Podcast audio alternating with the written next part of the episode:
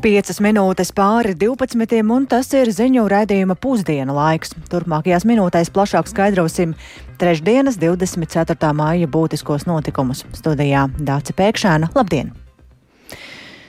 Māja pēdējā dienā gaidāmajās valsts prezidenta vēlēšanās, kurām partijas pieteikušas trīs kandidātus, skaidra balsu vairākumu joprojām nav. Šodien valsts prezidenta kandidāti turpina tikties ar atsevišķām saimas frakcijām, bet lielāka skaidrība visticamāk nebūs arī šodien, jo divi politiskie spēki savu rīcību šajās vēlēšanās atklāšot tikai pašā vēlēšana rītā.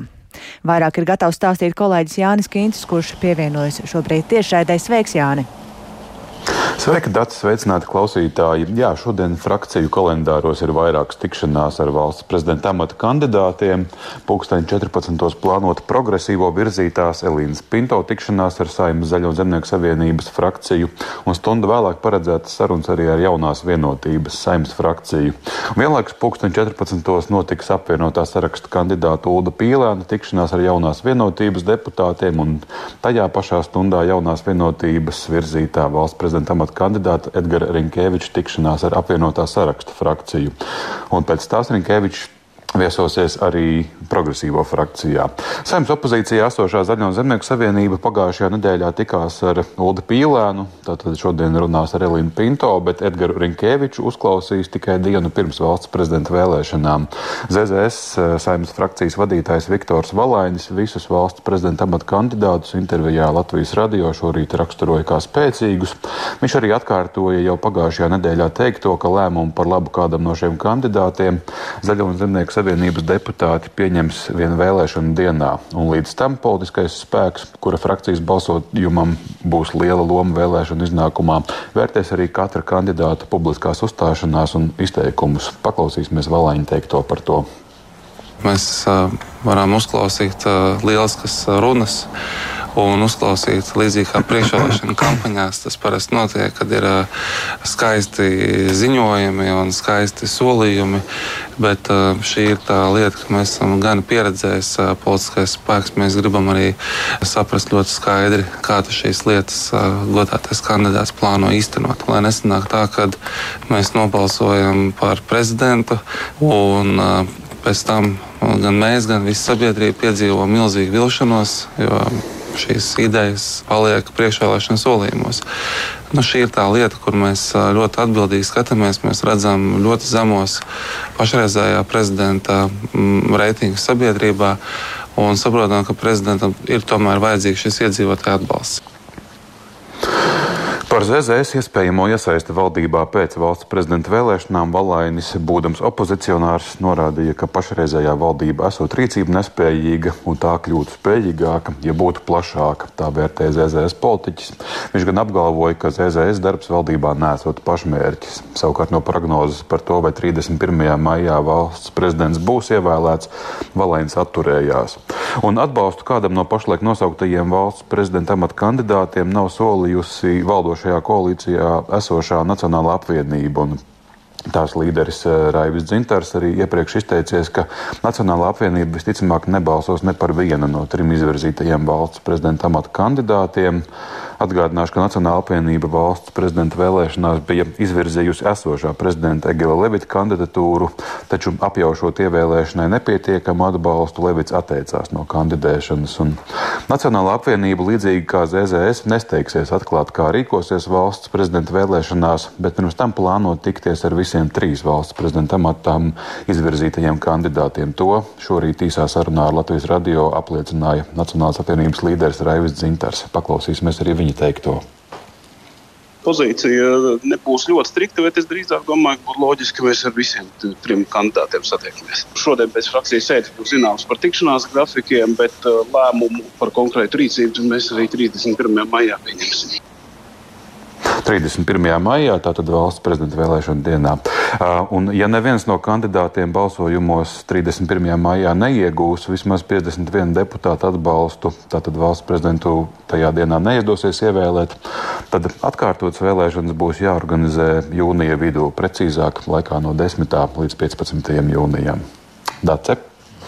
Paldies kolēģim Jānim Kīncim par šo skaidrojumu. Arī mēs turpināsim sekot līdzi valsts prezidenta vēlēšanām. Bet mēs šajā brīdī turpinām ar citu tēmatu. No 1. jūlija par elektrību būs jāmaksā vairāk. Sabiedrisko pakalpojumu regulēšanas komisija ir apstiprinājusi jaunos sadalas tīklu un augstsprieguma tīkla tarifus, un ietekme uz mājasēmniecībām būšot atšķirīga. Tas ir saistīts gan ar pieslēgumu parametriem, arī patēriņu, un tostarp arī cik fāžu pieslēgums ir. Un, lai skaidrotu to plašāk, šajā brīdī esam sazinājušies ar regulatora izpildu direktoru Jāni Miķelsonu. Labdien! Labdien! Tad procentuāli cik liels pieaugums ir gaidāms un kuras iedzīvotājs tas visvairāk ietekmēs un cik daudz plašāk, teiksim, maciņi būs jāatver? Tātad no 1. jūlija mainīsies sadalījuma tīklu pakalpojumu tarifs. Tarifs ir noteikts divdaļīgs. Ir uh, fiksētā daļa, kas ir par jaudas uzturēšanu, un mainīgā daļa par enerģijas piegādi, līdzīgi kā tas bija līdz šim. Salīdzinājumā ar spēkā esošo tarifu maksa par enerģijas piegādi ir nedaudz samazinājusies, savukārt maksa par jaudas uzturēšanu ir pieaugusi. Līdz ar to katra konkrēta lietotāja maksājums mainīsies atkarībā no tā, kāds ir uh, pieslēgums, vai tas ir vienfāzes vai trīsfāzu. Ja tas ir vienfāzes pieslēgums, tā tiek izmantots dzīvokļos, tad pieaugums varētu būt par apmēram 5 vai 7 eiro mēnesī. Savukārt, ja tas ir trīsfāzes pieslēgums, tad tur ir iespējams daudz lielāks patēriņš, līdz ar to arī pieaugums vārstības varētu būt lielākā intervālā. Ja tas ir trīsfāzes pieslēgums un ievada aizsardzības aparāta drošinātāju stāvu stiprums ir piemēram 16 vai 20 ampēri, tad pieaugums varētu būt ap 12, 14 eiro mēnesī.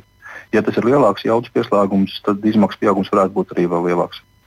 Tas nozīmē arī to, ka savā ziņā nu, dzīvokļos varētu būt šis pieaugums mazāks un privāti mājās lielāks. Nu. Principā, jā, 90% dzīvokļu ir ar vienfāzes pieslēgumu, tā kā pamatā dzīvokļos dzīvojošiem šis pieaugums ir salīdzinoši mērens. Savukārt no privātu mājām arī daļa ir ar vienfāzes pieslēgumu. Uh, Bez tam ir arī objekti, kas nav pastāvīgi apdzīvoti, kas varbūt piemēram dārza mājiņa vai garāža, kuros ir relatīvs pieslēgums. Tad arī šiem pieslēgumiem ir jāskatās, vai ir uh, piemērotais tarifu veids atbilstošs. Un attiecībā uz objektiem, kuriem varbūt nav pastāvīgs patēriņš, piemēram, tā dārza māja, kur tie elektrība tērēta tikai dažus mēnešus gadā, ir iespēja pāriet uz speciālo tarifu, kuram savukārt nebūs lielas fiksētās maksas, bet būs dārgāka maksa par katru patērēto kilovatstundu. Runājot par pašiem tarifiem, sākotnēji atcerēsimies, ka tarifu pieaugums bija paredzēts vēl lielāks. Atgādiniet to pamatojumu, kāpēc vajadzēja to paaugstināt un uz kā rēķina izdevās tomēr um, samazināt to tarifu pieaugumu. Sākotnējais tarifu projekts bija iesniegts pagājušā gada oktobrī no augstsprieguma tīkla puses un novembrī no sadalījuma tīkla kad bija ļoti strauji elektrības vairumtirdzniecības cenu kāpums un arī citas izmaksas būtiski pieaugušas. Savukārt uz šo brīdi vairumtirgus cenas ir samazinājušās un stabilizējušās gan augstākā līmenī nekā iepriekš. Līdz ar to faktiski visas tās izmaksas, kas saistītas ar elektroenerģijas zudumu un tehnoloģiskā patēriņa nodrošināšanu, ir augstākas nekā uh, šobrīd noteikti spēkā esošajā tarifā, bet būtiski zemākas nekā tās bija novērtētas oktobrī, kad sākās tarifu vērtēšana. Arī par vairākām citām izmaksu pozīcijām tobrīd gatavotā prognoze un tā, tajā laikā esošā inflācija norādīja, ka tās izmaksas varētu pieaugt straujāk. Šobrīd, ņemot vērā inflācijas prognozes un esošos cenu līmeņus, vairākās pozīcijās izmaksas ir samazinātas pret to, kā tās bija sākotnēji iesniegtas. Tomēr kopējās izmaksas gan augstsprieguma tīkla, gan sadalījuma tīkla pusē ir lielākas nekā līdz šim piemērotajos tarifos. Ja tā procentuāli mēs skatāmies, tad par cik procentiem ir zemāks šis tarifs nekā tika pieprasīts paaugstināt? Proti, jā. proti pieaugums bija paredzēts daudz jā. lielāks, tagad ir mazāks nu, procentuāli, cik izdevās samazināt šo pieaugumu? Vairāk nekā uz pusi no visa pieauguma šobrīd ir izdevies samazināt. Attiecīgi pret līdzinājiem tarifiem pieaugums ir 30, 32%. Sākotnējais bija vairāk kā 50%. Jā, paldies. Mēs sazinājāmies ar Sabiedrisko pakalpojumu regulēšanas komisijas izpildu direktoru un Jāni Miķelsonu, un es tikai piebildīšu arī to, ka, lai precīzi varētu uzzināt gaidāmās rēķina izmaiņas, tad regulators arī aicina izmantot sadalas tīkla tarifu kalkulatoru, kur tad arī katrs pats var atrast šīs izmaiņas. Pēdējos divos gados ir novērojama arī pozitīva elektroauto pieauguma tendence, kas ir bijusi straujākā izaugsme, kāda jebkad ir bijusi, un līdz ar to arī elektroauto skaita pieaugumu sakuplo elektroauto uzlādes punkti. Un, lai gan to skaits pagaidām ir optimāls, vieta izaugsmē vēl esot, un plašāk par šo tematu Linda Zalānas ierakstā. Latvijā ir reģistrēta 4500 elektromobīļu, no kuriem 4361 ir vieglās mašīnas un 134 ir kravas automašīnas. Ceļu satiksmes drošības direkcijas elektromobilitātes speciālists Aivis Ozoliņš stāsta, ka ik gadus elektroautomašīnu skaits Latvijā aizvien pieaug. Pērn Latvijā tika reģistrēti 1767 automobīļi un sasniedzot jau 81% pieaugumu. Gada pirmajā ceturksnī Pieregistrēti jau ir 554 elektromobīļi un sasniedzot jau 14% pieaugumu. Aivis Ozoliņš ir pārliecināts, ka elektroautomobīļu uzlādes punktu pieejamība iet roku rokā ar elektroauto skaita pieauguma dinamiku. CZD attīstījis uzlādes tīklu e-mobī ar 140 stacijām, kas izvietotas visā Latvijas teritorijā tā, lai ik pēc 50 km būtu iespēja uzlādēt elektroautomobīli. Mēs neesam novērojuši īņas Tāpēc, mūsuprāt, šobrīd uzlādes punktu skaits ir optimāls. Protams, skaitam ir jāpalielinās līdz ar elektroautorātu pieaugumu, jo uzlādes tīkla attīstīšanā iesaistās arī privātais sektors kur attīstība galvenokārt noteiks pieprasījums, kā arī konkurence. Lai gan pēdējos gados elektroauto skaits ik gadu teju dubultojas, kopumā Latvijā šāda veida transporta līdzekļus vēl aizvien izvēlas neliela daļa autovadītāju. Tā spriež Latvenergo, Baltijas elektrotransporta uzlādes direktors Ancis Valdovskis. Mēs joprojām runājam par uh, skaitu, kas ir tomēr pie 1%, mazliet pat zem. Bet nākotnes prognozes ir cerīgas. Uz 2030. gadu mēs droši prognozējam, ka būs vismaz 60 tūkstoši elektroautomašīnu. Iespējams, pat vairāk. Nu, aptuveni 10% no kopējā Latvijas autoparka droši būs elektriski. Ar tendenci, ka straujā attīstība progresēs, jo, ja mēs paskatāmies Eiropā, iekšzemes automašīnai kā tādai, gandrīz vai beidzies šis laiks, kad viņas attīsta autoražotāji. Ancis Valdovskis teica, ka līdz šim Latvijai ar elektroauto uzlādes tīklu attīstīšanu ir veicies labi, un labs atspēriens bija CZD īstenotais projekts attīstot valsts uzlādes tīklu. Dotā brīdī, ja mēs skatāmies no lietotāja skatu punktu, kurš grasās iegādāties elektromobīlus, uzlādes tīkls visticamāk būs gana plašs. Es teiktu, ka drīzāk situācija ir pozitīva un tīkls nedaudz apsteidz automašīnu skaitu. Netik optimistisks ir Enefita biznesa attīstības departamenta analītiķis Daniels Treniņš, sakot, ka Latvijai ir vēl vieta izaugsmē. Viņa prāta uzlādes tīkla attīstība pagaidām iepaliek. Ir eh, ļoti labi piemēri no citām Eiropas valstīm, piemēram, Nīderlande, kur vidēji uz eh, vienu uzlādes punktu ir četras mašīnas. Latvijā, tādēļ, ka mums ir apmēram 450 uzlādes punktu, uzlādes iekārtas pašreiz tirgu, mums ir 11 mašīnas uz vienu iekārtu, kas ir te jau trīsreiz sliktāk. Proti, tas arī nozīmē, ka ir kur augt, ir kur izpausties. Daniels Treniņš stāsta, ka tirgū pat labāk elektroauto uzlādes tīklu attīsta nedaudz uzņēmumu, bet tie ir lieli un pieredzējuši tirgus dalībnieki. Aktīvi piedalās šajā attīstībā lielā mērā četri uzņēmumi, neskaitot mums pašas, kuri tirgu ir spējīgi diezgan labi apgūt. Gan uh, elektroenerģijas uzņēmumi, tā skaitā arī Enefits, gan arī privātie uzņēmumi, kuri nodarbojas tikai un vienīgi ar uh, elektroautu uzlādes punktu attīstību. Nākotnē elektroauto uzlādes tīkla attīstība, viņaprāt, būs cieši saistīta ar pieprasījumu pēc šāda veida transporta līdzekļiem. Jo lielāks būs pieprasījums, jo tirgu parādīsies aizvien jauni uzņēmumi, kas vēlēsies attīstīt elektroauto uzlādes tīklu. Linda Zalāne, Latvijas radio.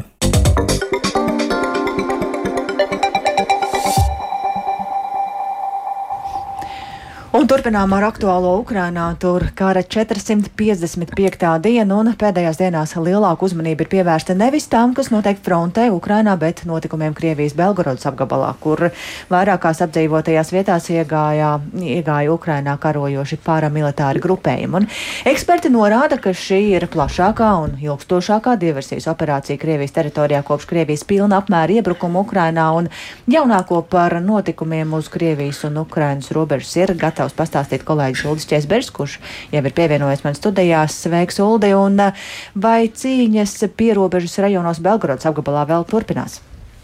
Jā, nu pašlaik izskatās, ka cīņas ir norimušās, taču nevar izslēgt iespēju, ka tās atsāksies.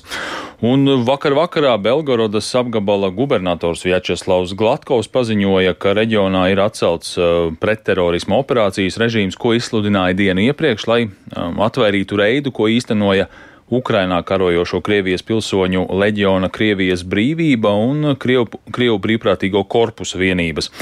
Vēlāk Glatkovs arī publicēja fotoattēlus no saviem braucieniem uz Goro Gora Podolas, Glotovas un Kozinkas ciemiem, kur iepriekš notika cīņas starp minētajiem grupējumiem un uh, Krievijas drošības spēkiem. Krievijas aizsardzības ministrija apgalvo, ka esot it kā iznīcināti vairāk nekā 70 pretinieku un arī militārā transporta līdzekļa kolonna, kas ir izmantota šajā te operācijā. Un Krievijas propagandas kanāli arī publicēja video, kurā bija redzamas pamestas amerikāņu ražojuma apvidus automašīnas Humvee, kas arī esot it kā izmantot šajā reidā. Savukārt Leģions Krievijas brīvība noliedza šīs aizsardzības ministrijas izplatīto informāciju un apgalvoja, ka tā, mm, šī leģiona vienības nav piedzīvojušas dzīvā spēka zaudējumus. Bet izdevums The New York Times, atsaucoties uz vārdā neminētu augsta līmeņa Ukrainas amatpersonu, rakstīja, ka reidu īstenojošās vienības ir cietušas nelielus dzīvā spēka zaudējumus, bet ne tādus, kas varētu ietekmēt viņu kaujas spējas. Amatpersona izdevumam arī apgalvoja, ka Ukrainas bruņoto spēku vienības šajā operācijā nepiedalījās, tāpēc neviens Ukraiņu karavīrs nav iegājis Krievijas teritorijā. Un arī Ukrainas prezidenta administrācijas padomnieks Mihailo Podoļaks noliedza Ukrainas saistību ar notikušo, un viņš sacīja, ka reids apliecina Krievijā pieaugušo neapmierinātību ar tur valdošo režīmu, un varam paklausīties Podoļaka teikto. Вообще эта война очень быстро придет к своему финалу. Karš beigsies ļoti ātri. Protams, tas nav rītdienas vai parītdienas jautājums, bet ir skaidrs, ka procesi, kurus tagad redzam vairākos Krievijas reģionos, pieņemsies spēkā. Tajos iesaistīsies arvien vairāk Krievijas pilsoņu, uzsveru Krievijas pilsoņu, kuri vairs neizjūt tādas svētas šausmas Putina režīma priekšā kā pirms kara vai kara pirmajos sešos mēnešos. Jā, un Ukrainas Nacionālās drošības un aizsardzības padomes vadītājs Oleksijas Danilovs sacīja, ka notikušais Belgorodas apgabalā ir Krievijas iekšējā lieta, kas Krieviem pašiem arī, arī ir jārisina. Nu, noteikti arī rietumvalstu militāriem analītiķiem ir kas sakāms par šo visu, ko viņi saka par bruņoto grupējumu ieiešanu Krievijas teritorijā. Jā, nu, kā jau dzirdējām, tad Ukraina noliedz tiešu līdzdalību šajā reidā, norādot, ka to īstenoja Krievijas pilsoņi, kuri vēlas politiskā režīma maiņu savā valstī. Nu, taču daudzi militārie eksperti uzskata, ka šī bija ļoti rūpīgi plānota operācija, ko šīs vienības diez vai varēja paveikt bez Ukrainas izlūkdienestu palīdzības. Un viņuprāt, notikumi Belgorodas apgabalā varētu būt tāda kā prelūdija Ukrainas pretuzbrukumam eh, frontē. Un varam paklausīties domnīcas, eh, Londonas domnīcas House asociētā pētnieka Keira Džailsa komentāru par šo. Viņi demonstrē, ka Krievijas robeža ir caura un neaizsargāta. Krievijai tas ir jālabo, tai ir jāpārvieto karaspēks no kādas citas vietas, un šī cita vieta visticamāk būs aizsardzības līnijas, kas gatavojas tik ilgi gaidītajam Ukrainas pretuzbrukumam.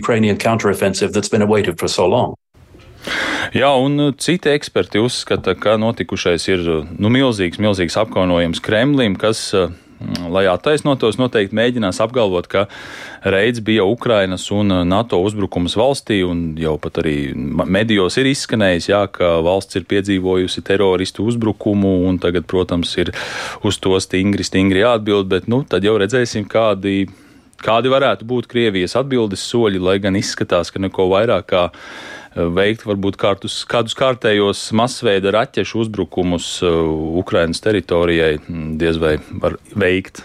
Mm -hmm. Paldies Uldim Česberim, un tais vienīgais varu piebilst arī to, ka kolēģiem Latvijas televīzijai NATO strateģiskās komunikācijas izcilības centra direktors Jānis Sārts, Sārts ir izteicies, ka ir sākusies Ukrainas pretuzbrukuma Krievijas okupantiem operācijas sākotnējā fāze, kurā tiekot gatavoti apstākļi, lai šis pretuzbrukums būtu veiksmīgs, un viņuprāt arī ir izskaidrojums um, arī ar tā saucamo Krievijas brīvprātīgo bataljonu iebrukums Belgorodas apgabalā Krievijā, un viņš šaubās par to, vai iebrukumu Belgorodā varētu būt sarīkojuši Krievi vien paši bez Ukraiņu ziņas un atbalsta. Tik tālu par Ukrainu, bet mēs atgriežamies pašmājās. Un, lai pārunātu pavasara postošo salnu ietekmi un kopīgi rastu arī risinājumus radītajiem zaudējumiem, tad šodien Latvijas lauksaimniecības kooperatīva asociācija tiekas ar augļu un ogu ražotājiem. Par to, kādus tad zaudējumus Salna ir radījusi un kādu atbalstu ražotāji sagaida, plašāk zina kolēģis stāstīta Agnija Lazdeņa. Viņa ir aprunājusies ar ražotājiem un šobrīd jau nonākus līdz mūsu studijai. Sveika, Agnija! Labdien! Jā, lauksaimnieki un augļu kopī šobrīd ir ļoti sarežģītā situācijā un katrs domā, kā izdzīvot un kā tad arī sagaidīt nākamo sezonu. Viņi visi kā viens uzsver, ka tāda salna, jeb kā to dēvē viņi paši salas, kas Latviju pārņēma maija sākumā pēdējo reizi bija pirms kādiem 20 vai pat 30 gadiem. Un tā lielākā pr problēma bija tāda, ka šajās aptuveni astoņās dienās, kad bija spēcīga salna, neviens no lauksaimniekiem vai augļu kopiem nevarēja pasargāt savu ražu, jo dažādi līdzekļi, piemēram, agroplēves vai arī pat speciālas salnu sistēmas bija vienkārši bezspēcīgas šajā gadījumā. Un kā ar mani sarunā man pastāstīja Latvijas augļu kopju asociācijas valdes priekšsēdētāja Māra Rudzāte, katrā saimniecībā tie zaudējumi, protams, ir dažādi, taču visvairāk cietuši ir tieši saldie ķirši, kur atsevišķās saimniecībās šogad ražas ražas nebūs vispār, melanēm tie ir 80 vai pat 90%, upenēm kādi 70%, tāpat arī ābeles, kur tie zaudējumi varētu būt mērāmi no 50 līdz 60%, un arī plūmes, avenes un arī citi augļi un ogas. Tātad ļoti daudz augļu, ogu, gan krūmi, gan koki ir diezgan cietuši. Un pat ja šīs ražas nebūs, saimniecība tik un tā ir jāuztur un darbi ir jāveic, citādāk nebūs ražas arī nākamgad. Tā tad ir Tā tad ir vajadzīgs mēslojums, lauki ir jāapstrādā, jānovērš salabojājumi, jāapkaro slimības, tāpat arī ir jāmaksā, protams, nodokļi un jādara daudz citi darbi, kuriem ir nepieciešami līdzekļi. Taču, ja ražas nav, tad nav arī ieņēmumu, par kuriem var visus darbus šogad darīt. Un, kā norāda saimniecība pārstāvi, vieglāk ir tiem, kuriem ir savi iekrājumi, īpašumi, ko šādā gadījumā varētu pat pārdot. Tāpat arī lauksaimniekiem, jo viņiem ir arī citi ienākuma avoti, kā piemēram graudkopība. Taču ir daudz tādu smagu gadījumu, kur saimniecība nodarbojas tikai ar, tikai ar augļu kopību. Tad, nu, ja raža ir zaudēta pilnībā, šiem cilvēkiem nav kur īsti iegūt šos līdzekļus. Turklāt daudzās saimniecībās tas uzreiz ietekmē arī darba rokas, piemēram, cilvēkus, kuri lasa šīs ogas vai augļus, jo algas ir jāmaksā. Un saimniecības cer, ka valdība uzklausīs un sniegs finansiālu atbalstu vismaz par zudušo ražu, lai spētu atgūt šos zaudējumu apmērus. Un par to, kāds ir aptuvenais atbalsta apmērs, skaidro Latvijas. Latvijas lauksaimniecības kooperatīva asociācijas ģenerāldirektors Rolands Feldmanis. Ja mēs skatāmies par to kopējo kompensācijas apmēru, kas ir nepieciešama, lai mēs saglabātu nākamā gada šo pašu ražošanas līmeni, kas šogad, pirmām kārtām jāapskatās kopējās platības. Kopējās platības pēc mūsu aplēsēm ir aptuveni 2500 hektāri. Taču katrā saimniecībā zaudējuma apmērs ir atšķirīgs. Atsevišķās saimniecībās tas ir gandrīz simtprocentīgi, citās tie ir tikai puse, citos varbūt 20%, citos ir tikai 10%. Taču, ja mēs skatāmies pareizinām šo skaitli ar nepieciešamību, nepieciešamās naudas apjomu, kas nepieciešams viena hektāra sagatavošanai, tad tas ir no 2 līdz pat 4 tūkstoši vidēji uz vienu hektāru. Vēl Felmanis arī lēš, ka pēc visiem aprēķiniem kā minimums nepieciešamā summa būtu mērāma miljonos, un tie aprēķini gan vēl nav pilnīgi, bet tie varētu būt aptuveni no 5 līdz pat 15 miljoniem eiro, bet eh, plašāk par šo visu situāciju es gan jums stāstīšu programmā pēcpusdienā. Paldies, Agnijai Lazdiņai. Nu, tā apkopojot, mēs varam teikt, ka skāde ir nodarīta liela un augļu un ogu ražotāji tomēr cer, ka nu, daļai viņiem to kompensēs, vai ne? Jā. Paldies! Um, ar to arī izskan redzījums pusdiena. Producenti Ilza Aginta ierakstus montēja Uldis Grīnbergs par labskaņu rūpējās īvēta zvejniece un ar jums sarunājās Dāca Pēkšēna. Un viens no būtiskākajiem tematiem par to, ka regulators ir apstiprinājis jaunos elektroenerģijas sadalas un pārvedes tarifus mājasemniecībām. Elektrības eh, sadalas tarifs no jūlija pieaugs no 5 līdz 18 eiro un vairāk. Par to arī vairāk pēcpusdienā un šobrīd izskan redzījums pusdiena.